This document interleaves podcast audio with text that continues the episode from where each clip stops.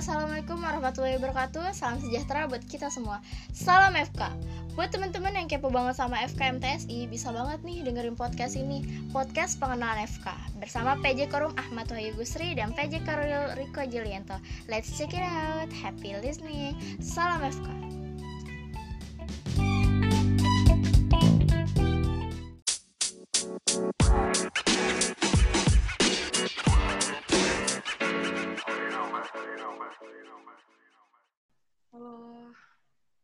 Iya, halo. Oke, pengen coba kenalin diri lagi. Saya Bang Ya, April Yamani, sipil dari FT HMS FT Tirta. Mungkin masih apa ya banyak yang belum tahu juga kayak abang ini siapa sih sebenarnya seperti itu bang. oh oke oke. Em, kenalin nama dulu kali ya. Boleh boleh boleh. Ya, eh, nama saya itu Ahmad Wahyu Guzri. Saya mahasiswa Teknik Sipil dari HM eh, IMS, Ikatan Mahasiswa Sipil Universitas Medan Area di Medan. Iya. Eh, dan saya juga di sini sebagai mungkin penanggung jawab koordinator umum Forum Komunikasi Mahasiswa Teknik Sipil Indonesia. Biasanya abang dipanggilnya bang siapa ya? Mungkin biar lebih santai, lebih enak kayak gitu kita ngobrolnya. Dari oke, dari dulu sih sampai sekarang masih dipanggil Wahyu sih. Oh bang Wahyu. Ya, Berarti saya manggilnya bang Wahyu aja mungkin ya. oke, Dan- boleh boleh.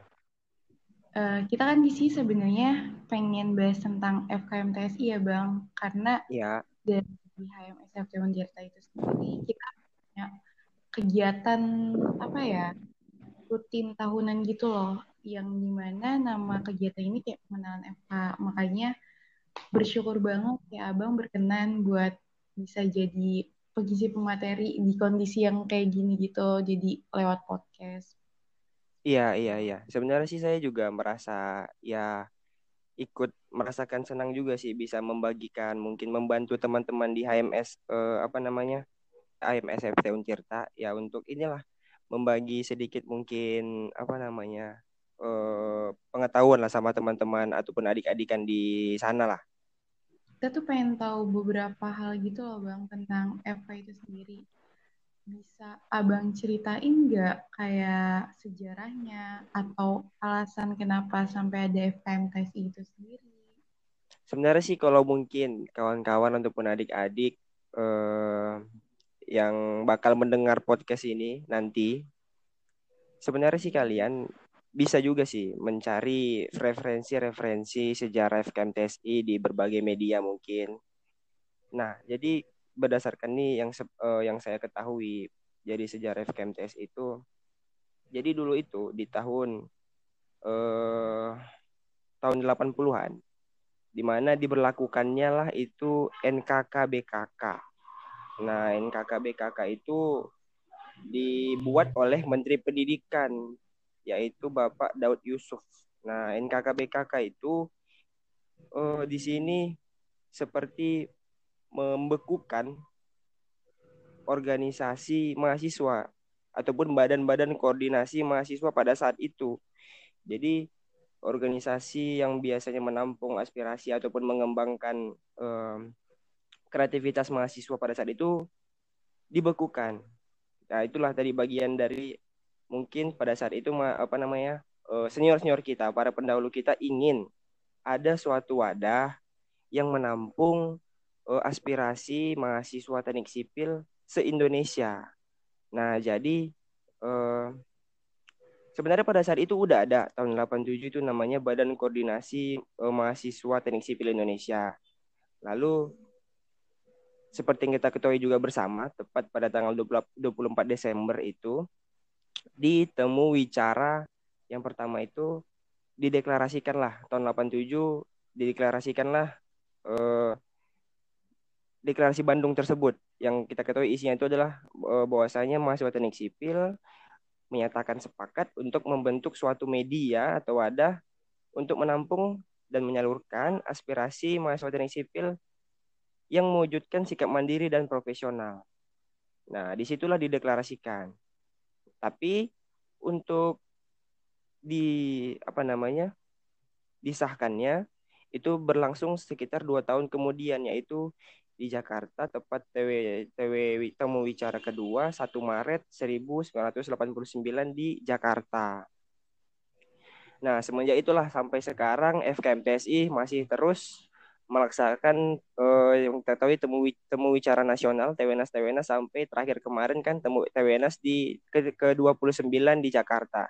Dan ya insya Allah lah semoga nanti TWNAS mungkin yang tahun ini di Medan bisalah uh, terlaksana dengan baik dalam kondisi seperti ini ya kita doakan bersama. Mungkin itu sih uh, sejarah yang bisa saya ceritakan sama teman-teman sekalian kan tadi membahas tentang TWNS ya Bang yang akan mungkin apa dilaksanakan di Medan. Iya. Ada nggak sih kayak kegiatan-kegiatan yang tetap dilaksanakan in, selama apa pandemi ini? Kira-kira planningnya akan seperti apa uh, untuk kegiatan TWNS? Kita sih tetap berharap ingin melakukan yang terbaik ya untuk saat ini uh, kita sudah mungkin yang merancang beberapa kegiatan yang mana kegiatan itu ya pasti yang berbau-bau tentang ilmiah dan organisatoris ya kan? Karena kita juga berasal dari himpunan masing-masing dan kita akan uh, pasti berujung kepada ilmiah juga. Makanya kami sebenarnya merancang juga kegiatan-kegiatan yang berbau ilmiah pastinya. Cuman ya kita kan belum tahu ini fase kelima tentang peraturan coronavirus ini tentang protokol fase 5 ini. Karena kan belum di, belum dikeluarkan peraturan tentang mungkin kegiatan-kegiatan yang bersifat massal. Karena kan pada fase ini masih protokol-protokol pembukaan ekonomi dan bisnis begitu ya. Jadi kita doakan aja semoga ke depan mungkin protokol ini bisa segera dikeluarkan dan segera mungkin diizinkan apabila ada kegiatan massal sehingga kita juga sebagai mungkin penyelenggara ataupun panitia bisa mengambil sikap ataupun menyusun rancangan strategi yang yang bisalah kita laksanakan sesuai dengan protokol tersebut. Menurut Abang, ada bedanya nggak sih FKMTSI ini dengan forum lain kayak gitu? Atau kenapa sampai Abang itu ikut di dalam forum ini? Apa sih ketertarikannya kepada forum ini? Hmm, ini kembali ke personal nih ya. Oke. Okay. Iya, personal. Oke, okay, oke. Okay uh, organisasi ini menurut saya setelah saya masuki bukan organisasi ya forum forum ini bagi saya itu berbeda dari organisasi lain karena uh, forum ini lebih mengasaskan kekeluargaan bagi saya pribadi begitu ya karena seperti kita ketahui kita lihat setiap ada acara baik itu wilayah regional ataupun nasional pasti keakraban antar satu sama lain wilayah itu pasti sangat-sangat erat gitu. Dan saya sangat cukup kagum dengan itu, dengan dengan dengan apa namanya? dengan uh, keadaan seperti itu. Karena kalau di organisasi lain mungkin ya, seperti saya juga ada mungkin beberapa yang mengerti organisasi, ya mungkin mereka kenal tapi tidak se sebegitunya istilahnya dengan kawannya yang mungkin beda jauh dari Sabang sampai Papua gitu kan. Jadi itulah bagi saya bedanya dari organisasi lain adalah asas keluargaannya itu sangat erat di FKMTS ini. Dan kenapa saya tertarik masuk ataupun ikut di FKMTSI karena ya saya kan jurusan sipil ini pasti saya mencari dong di mana ada wadah yang bisa menampung mungkin aspirasi ataupun bertukar pikiran dengan teman-teman lain apalagi se Indonesia gitu kan uh, ruang lingkupnya makanya lah saya uh, apa namanya ikut di FKMTS ini. Begitu mungkin. Sebelumnya Abang udah gabung di FK sudah udah berapa lama ya, Bang? Saya itu stambuk angkatan 2017. Nah, lalu di FK saya eh, mulai aktif itu dari tahun 2000 18. Nah, dari tahun 2018 saya uh, ikut kegiatan-kegiatan di FK. Karena di situ saya udah menjadi istilahnya udah anggota inilah di himpunan juga kan. Jadi saya mulai ikut-ikut lah di FKMTS regional begitu kira-kira. Kan Abang gabung di FK secara maksudnya secara aktifnya itu 2018 ya. Iya. Dari tahun 2018 sampai saat ini, apa aja sih yang udah Bang rasain dari FKM TSI itu sendiri? Hmm, yang dirasain apa ya? Mungkin lebih ke pengembangan diri kali ya. Pengembangan diri ya kita kan berorganisasi pasti ingin mengembangkan diri baik itu soft skill maupun hard skill kan begitu. Be- Belajar leadership seperti itu. Ya jadi mungkin itulah kalau dari ini ya dari perspektif organisasinya. Cuman kalau perspektif mungkin pribadinya ya menambah teman, menambah relasi. Eh, kita punya ya kita punya teman dari mungkin Sabang sampai Papua, kita bisa sombong bisa sombongkan itu. eh ya itulah yang saya rasakan selama mungkin saya inilah aktif di FK. Salam FK. Salam. Assalamualaikum warahmatullahi wabarakatuh. Waalaikumsalam warahmatullahi wabarakatuh. Eh, ini sama Bang Riko kan ya? Eh, Bang Riko bisa perkenalan diri aja. Perkenalan diri dulu ya. Sebelumnya perkenalkan, nama saya Riko Julianto. Dan saya di sini sebagai koordinator wilayah 6 Jabar Banten periode 2020-2021. Eh, Oke. Eh, buat pertama nih Bang, boleh dijelasin sedikit tentang eh, apa sih namanya sejarah FKM TSI di Jabar Banten dari awal terbentuk, dari eh, bagaimana bisa terbentuk gitu, tanggalnya, tahunnya kayak gitu. Oh iya. Mm-mm. Jadi eh, di sini saya ingin sedikit menjelaskan mungkin ya Iya. untuk sejarah Jabar Banten sendiri. Jadi seperti ini. Dulu sebelum FKM TSI ini terbentuk, nama forum kita ini bukan FKM TSI, Apa tuh Bang? lebih ke BKM TSI, Hmm, apa Koordinasi Mahasiswa Teknik Sipil Indonesia. Hmm, Karena pada waktu itu, pada zaman kepemimpinan Pak Harto, eh, lebih jelasnya mungkin pada zaman rezimnya Pak Harto, memperlakukan NKKBKK oleh pemerintahan praktis. Pada waktu itu seluruh Dewan Kelembagaan Mahasiswa dibubarkan. hmm, Maka dari itu seluruh lembaga kemahasiswaan terpaksa mati atau dipakumkan. Dan akhirnya pada tanggal 24 Desember 1987 terbentuklah forum kita yaitu FKMTSI. Dan disahkan pada tanggal 1 Maret 1989 di Jakarta di kegiatan Temu Bicara 2 yang diselenggarakan di Universitas Indonesia. Hmm, kalau eh, kenapa juga eh, untuk wilayah Banten mungkin gabung sama Jabar? Karena Banten ikut eh, satu provinsi gitu sama Jabar. Oh, iya. Jabar Banten. Sebenarnya kalau kita lihat dari wilayah sebenarnya Banten tuh lebih dekatnya ke Jakarta. Cuma karena dulu Banten satu provinsi dengan Jabar maka dari itu Banten ikutnya Jabar itu masuk wilayah 6 berarti eh, wilayah 6 itu ada pas FKM TSI emang diresmikan gitu langsung terbentuk gitu ya Bang wilayah-wilayahnya. iya Hmm, oke. Boleh dijelasin lagi nggak institusi mana aja sih yang ada di wilayah 6 waktu itu? Eh, untuk institusi waktu itu ada sebenarnya waktu eh, deklarasi itu belum belum diresmikan bahwasannya institusi yang gabung di wilayah 6 Jabar Banten itu institusi mana aja cuma yang datang waktu itu dari, eh, dari berbagai wilayah. Jadi waktu eh, deklarasi Bandung itu belum ada apa sih pembentukan wilayah gitu Hmm, baru emang seluruh Indonesia aja gitu.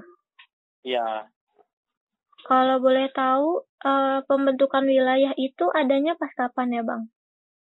pembentukan wilayah itu waktu deklarasi eh bu- bukan deklarasi waktu eh, tahun 1989 yang pengesahan di Jakarta. Um, Cara dua. oh iya. Nah, itu tuh eh ada kan sekarang wilayah 6 tuh ada banyak kan institusinya. Nah, itu Ya. tuh institusi mana aja sih yang pertama kali bergabung di wilayah 6? Nah, untuk institusi yang bergabung di wilayah 6 sekarang ada 44 institusi. Mungkin sebelumnya ada beberapa institusi yang baru gabung juga. Tuh, tahun 2018 itu ada Universitas Widyatama Ya. sama Presiden University. Mhm. Itu waktu periodenya Korwil Panji. Terus untuk tahun 2019 ada dua institusi juga yang gabung. Itu di Bina Bangsa Banten sama SNT Mandala. Kalau untuk SNT Mandala sendiri sebenarnya emang udah gabung sebelumnya, cuma sempat vakum. Hmm, Jadi baru ikut gabung lagi tahun kemarin gitu. Ya ya. Nah, eh, balik lagi ke sejarah nih, Bang. Apa sih yang melatar belakangi diadakannya pembagian wilayah kayak gitu-gitu? Hmm, sebenarnya kenapa eh, atau kenapa alasan dibentuk pembagian wilayah? Mm-mm. Karena pada dasarnya Indonesia memiliki wilayah yang sangat luas, baik darat maupun lautan. Jadi jika tidak ada pembagian wilayah, maka koordinator umum sebagai satu-satunya pengelola di seluruh wilayah akan kewalahan. Hmm, Juga menimbulkan begitu banyak daerah-daerah yang tidak diperhatikan. Maka dari itu dibentuklah koordinator dari setiap wilayah yang tergabung di FKM TSI agar membantu koordinator umum untuk mengkoordinir anggota FKM TSI. hmm, ya. Sekarang kan lagi pandemi gini nih, Bang. Nah, terus Ya. role model role model FK Jabar Banten di situasi sekarang ini tuh cara kerjanya kayak gimana sih? Ya, untuk sekarang mungkin untuk kita mengadakan kegiatan kita mengandalkan eh, media sosial. Contohnya ya via Zoom untuk kita eh, koordinasi dengan wilayah ataupun nasional. Kalau dari FKM TSI Jabar Banten sendiri nih Bang, kan pastinya ada beberapa proker yang terhambat eh, di masa pandemi ini. Terus ada nggak sih kayak eh, solusi atau cara lain buat eh, apa ya menjalankan proker via online atau dengan cara lain gitu? Nah, eh, sebenarnya memang banyak kegiatan yang terhambat gitu ketika ada pandemi seperti ini. Contohnya kegiatan TW TW1, TW2 gitu, TWR Iya. karena seperti sebelum-sebelumnya kan untuk kegiatan TW1, TW2, TWR itu kita kan biasanya tatap muka. Iya. Cuma kalau melihat kondisi seperti ini, kita eh, sedikit eh, kebingungan lah gimana sih caranya eh, kegiatan ini bisa tetap terlaksana. Gitu. Kita pun kemarin sempat gitu mengadakan rapat wilayah di mana kita tuh berunding semuanya Iya. mencari solusi bagaimana caranya kegiatan ini bisa terrealisasi Hmm. di di tengah pandemi seperti ini. Jadi baru. Banyak solusi-solusi Mm-mm. kayak kita mengadakan eh, TW lewat online, Mm-mm. terus sebenarnya ada yang solusi kita bisa mengadakan kegiatan tatap muka. Cuma mungkin semestinya tetap mengikuti, mengikuti protokol kesehatan ataupun sistematiknya delegasi itu untuk sedikit mengurangi kerumunan. Hmm.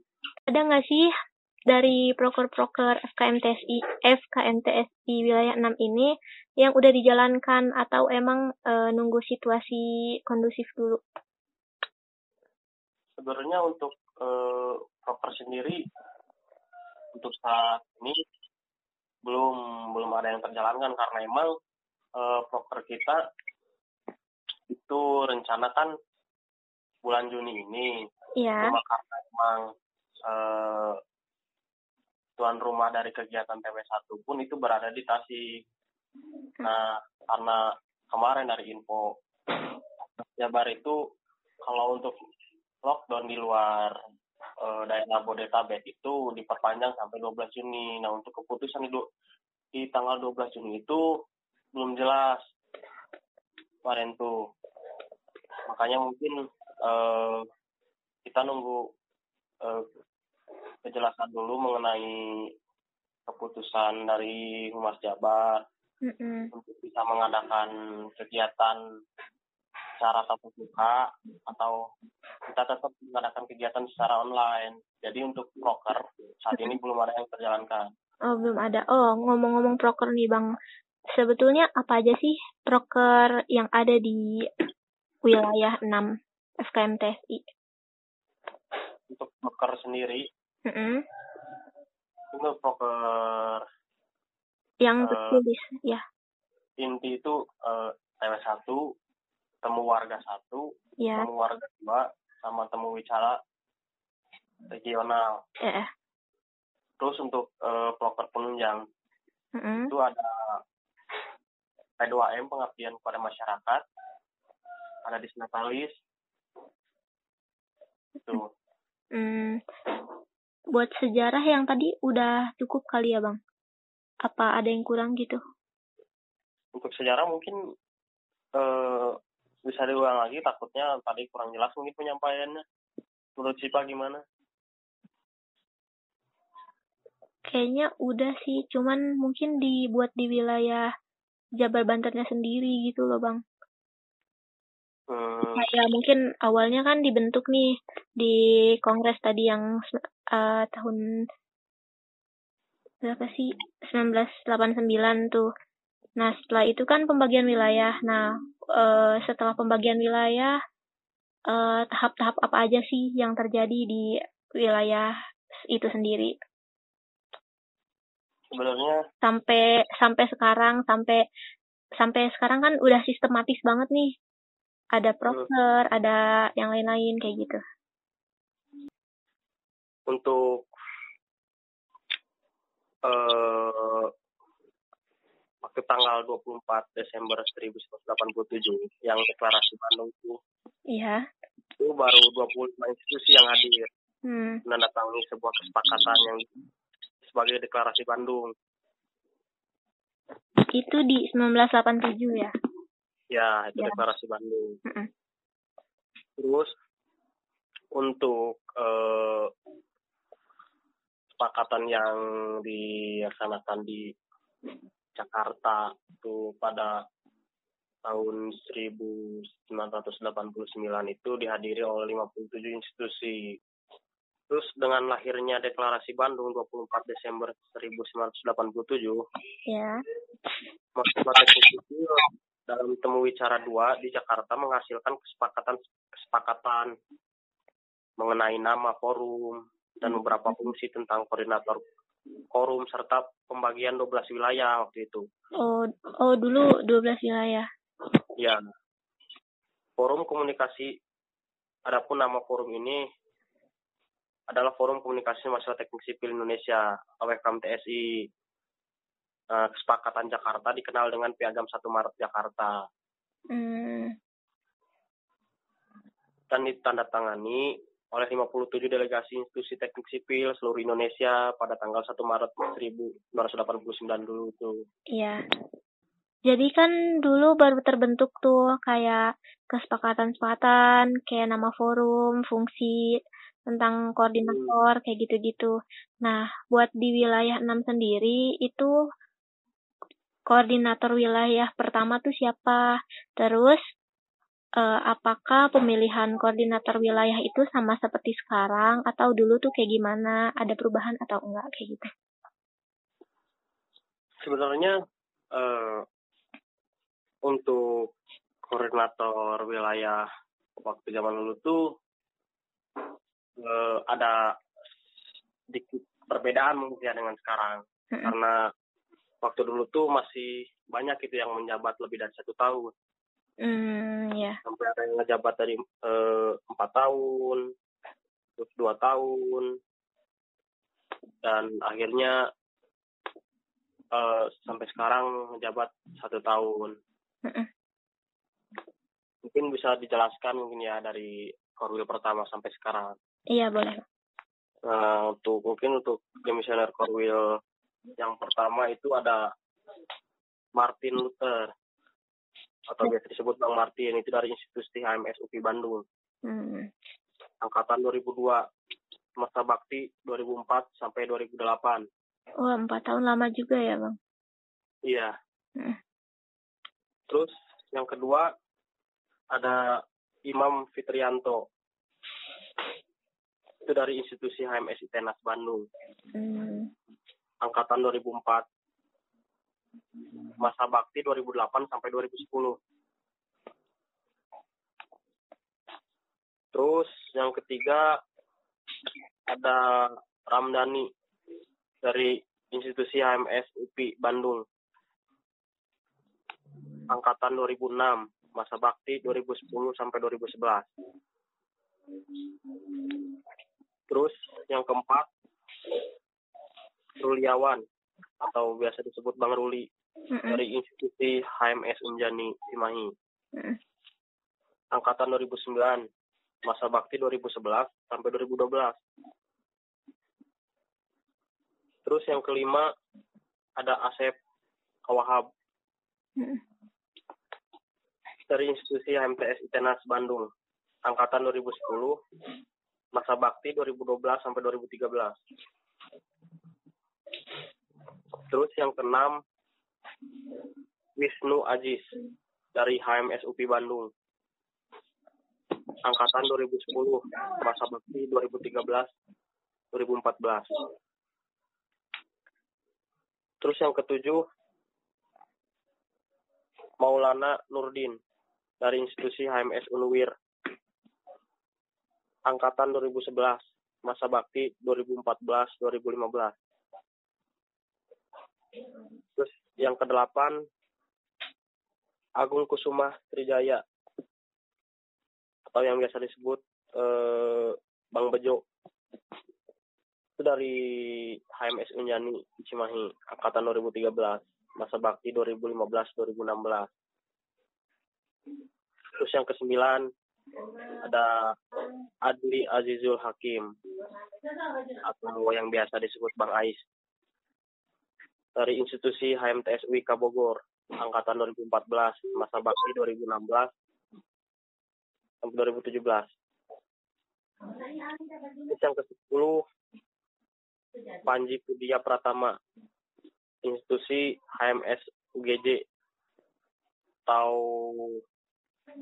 Universitas Swadaya Gunung Jati angkatan 2014 masa bakti 2017 2018 terus yang ke-11 mungkin tahun kemarin eh, Muhammad Rida Al Mustafa atau biasa yang disebut Bang Rida. Dari HMS Insil Tasikmalaya angkatan 2015 masa bakti 2019 2020 itu ada misioner Korwil wilayah 6 Jabar Banten. Itu dari tahun 1987 atau 89? Nah, kalau Korwil wilayah 6 Jabar Banten sendiri itu eh, awalnya dari 2004 Oh, di 2004. Berarti dari mulai terbentuk itu dia belum ada koordinator? belum Hmm. Terus gimana tuh Bang? Kalau misalkan belum ada koordinator kayak gitu? eh, dulu tuh baru eh, masih Penyesuaian gitu ya? nah, penyesuaian Hmm. Jadi, Dulu masih penataan lah. Hmm. Gitu. Makanya eh, untuk koordinator wilayah Jabar Banten sendiri itu baru terbentuk tahun 2004 gitu. Hmm. Nah, pas 2004 sendiri, Korwil tuh ter, di, eh, terpilih pas eh, lagi ngapain tuh bang? Ada TW kah? Atau em, apa sih? Ada forum aja gitu? Eh, sebenarnya untuk pemilihan koordinator wilayah itu dari awal sampai sekarang itu bentuknya tetap gitu di temu bicara regional. Eh, dari 1989 sampai 2004 baru dipilih koordinator wilayah buat wilayah 6.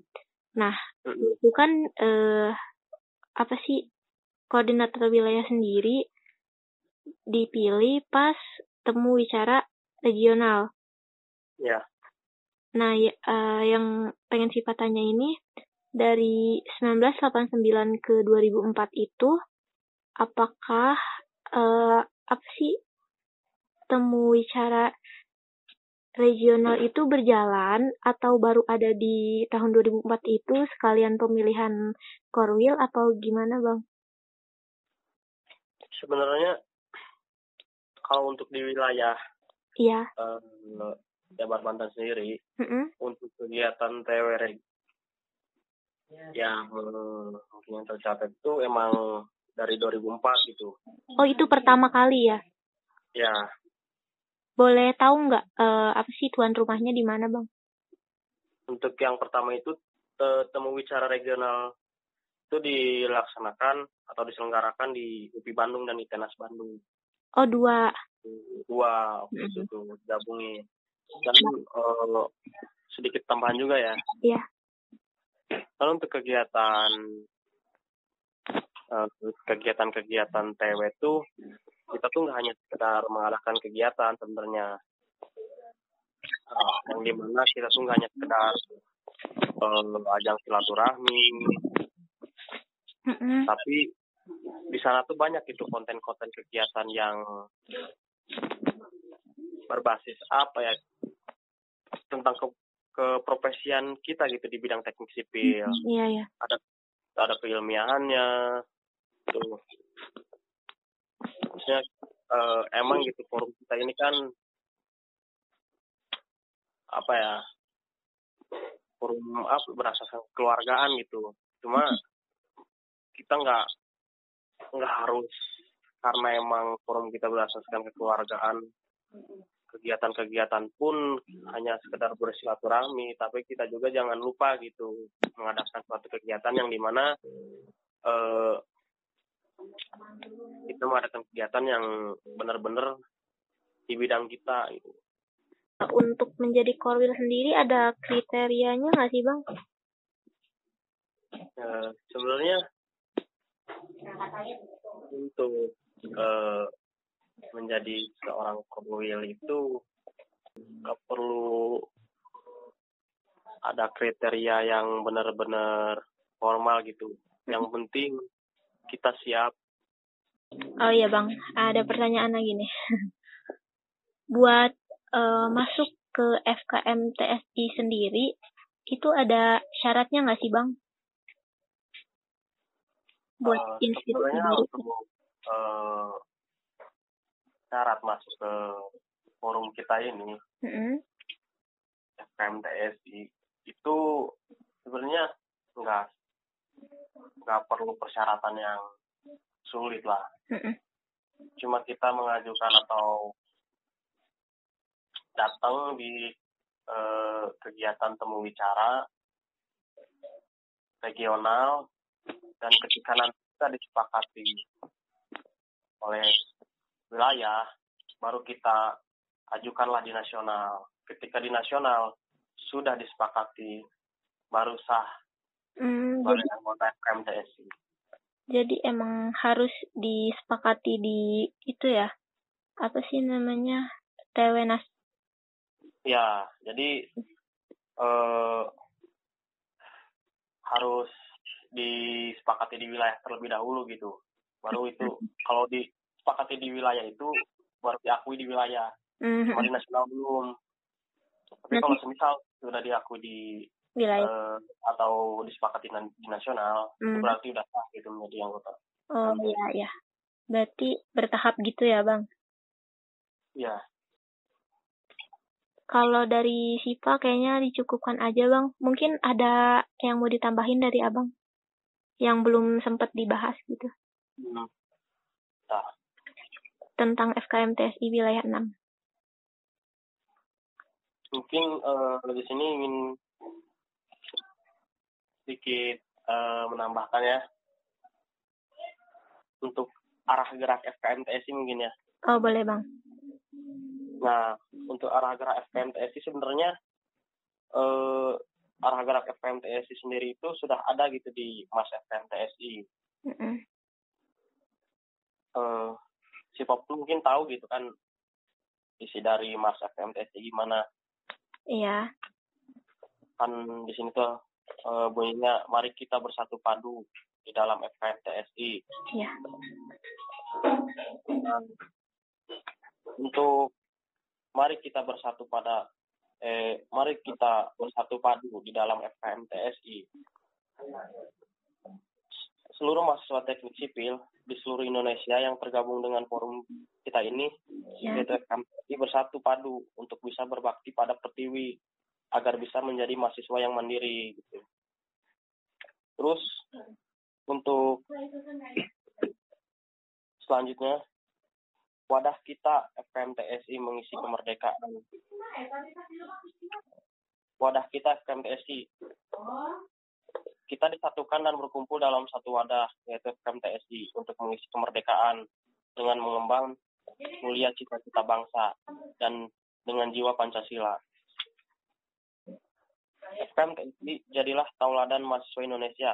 Kita pun dituntut agar bisa menjadi tauladan bagi mahasiswa Indonesia karena pada dasarnya eh, mahasiswa sekarang banyak gitu kan yang apa ya lupa dengan gelarnya sendiri gitu Hmm. atau statusnya sebagai mahasiswa Iya. makanya dari itu kita di sini di forum ini kita dituntut gitu buat jadi mahasiswa tauladan yang selanjutnya mahasiswa Indonesia FKMTSI gemakanlah kini di seluruh Nusantara. FKMTSI bergerak untuk menggem- menggemakan Nusantara dari Sabang sampai Merauke. Kita semua bersatu. Itu sedikit mungkin arah gerak Hmm. eh, FKMTS sendiri. Mungkin kawan-kawan bisa lebih memaknai lah mas FKMTS gimana Jadi emang semuanya udah tercantum ya bang di Mars FKM TSI. Iya. Hmm. Oke. dari APPAP semua isinya itu pokoknya udah tertata semua ada itu arah gerak tujuan FKMTSI fungsi MK FKMTSI sendiri semua udah tertata di situ tercantum semua di Hmm. APPAP Kayaknya cukup aja deh bang. Udah lumayan lama juga sih. Atau abang ada yang mau ditambahin lagi? menurut abang sih cukup gitu Hmm, oke. Mungkin misalnya nanti kalau semisal eh, kawan-kawan Mbak masih ada yang tanyakan boleh tanyakan langsung gitu kan. Oh, oke. Berarti dicukupkan aja kali ya bang. Makasih banyak nih buat Bang Riko eh, yang udah menyempatkan waktunya buat eh, sosialisasi FKM TSI wilayah Jabar Banten. Mungkin eh, buat pertanyaan-pertanyaan yang lain bisa disampaikan nanti juga ya Bang. Bisa kita diskusi juga untuk selanjutnya. Makasih banyak ya Bang. Oke, sama-sama Maaf mengganggu waktunya. nggak kok santai Makasih banyak ya Bang. Oke, sama salam FK Salam. Assalamualaikum warahmatullahi wabarakatuh. Waalaikumsalam warahmatullahi wabarakatuh